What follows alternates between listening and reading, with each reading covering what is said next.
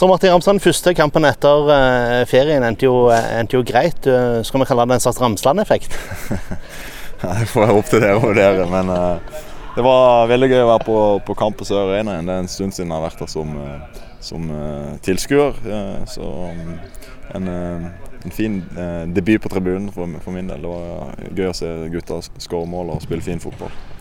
Du fikk jo også da sett, eh, sett han da fra, fra tribuneplass.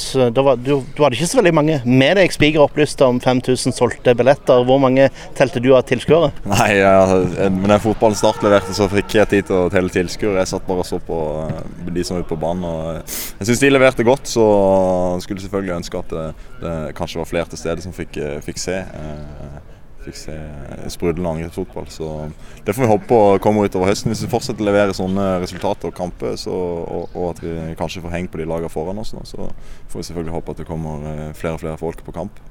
Hvordan er fotballinteressen i Sogndal, som dere nå skal reise til? Nei, Det kan vel sammenlignes litt med her. Det har, eh, han har vært bedre tider der òg. Eh, sikkert sånn som det er i store deler av resten av Fotball-Norge. Det er litt laber interesse, med mindre du er kjempe helt oppe i toppen. Så det er klart at eh, det er ikke full stadion på, på campus heller, men der der er man litt avhengig av, av, å levere igjen. og Nå skåret de fem mål sist og brant to straffer, så det var i hvert fall offensiv fotball som ble levert der oppe, og det har vært litt etterlyst. så det kan være at det kanskje er litt på oppadgående der òg, hvis de får litt dreisen på, på resultatene framover.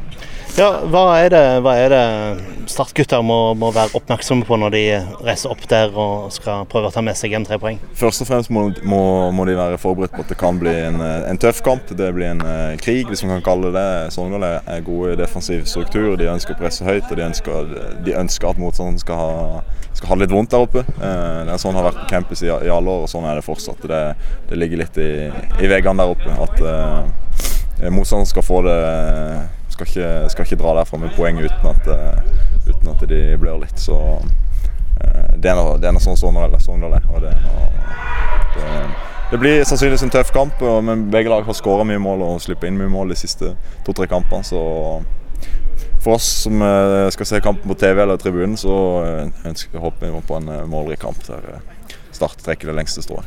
Fotballekstra før avspark.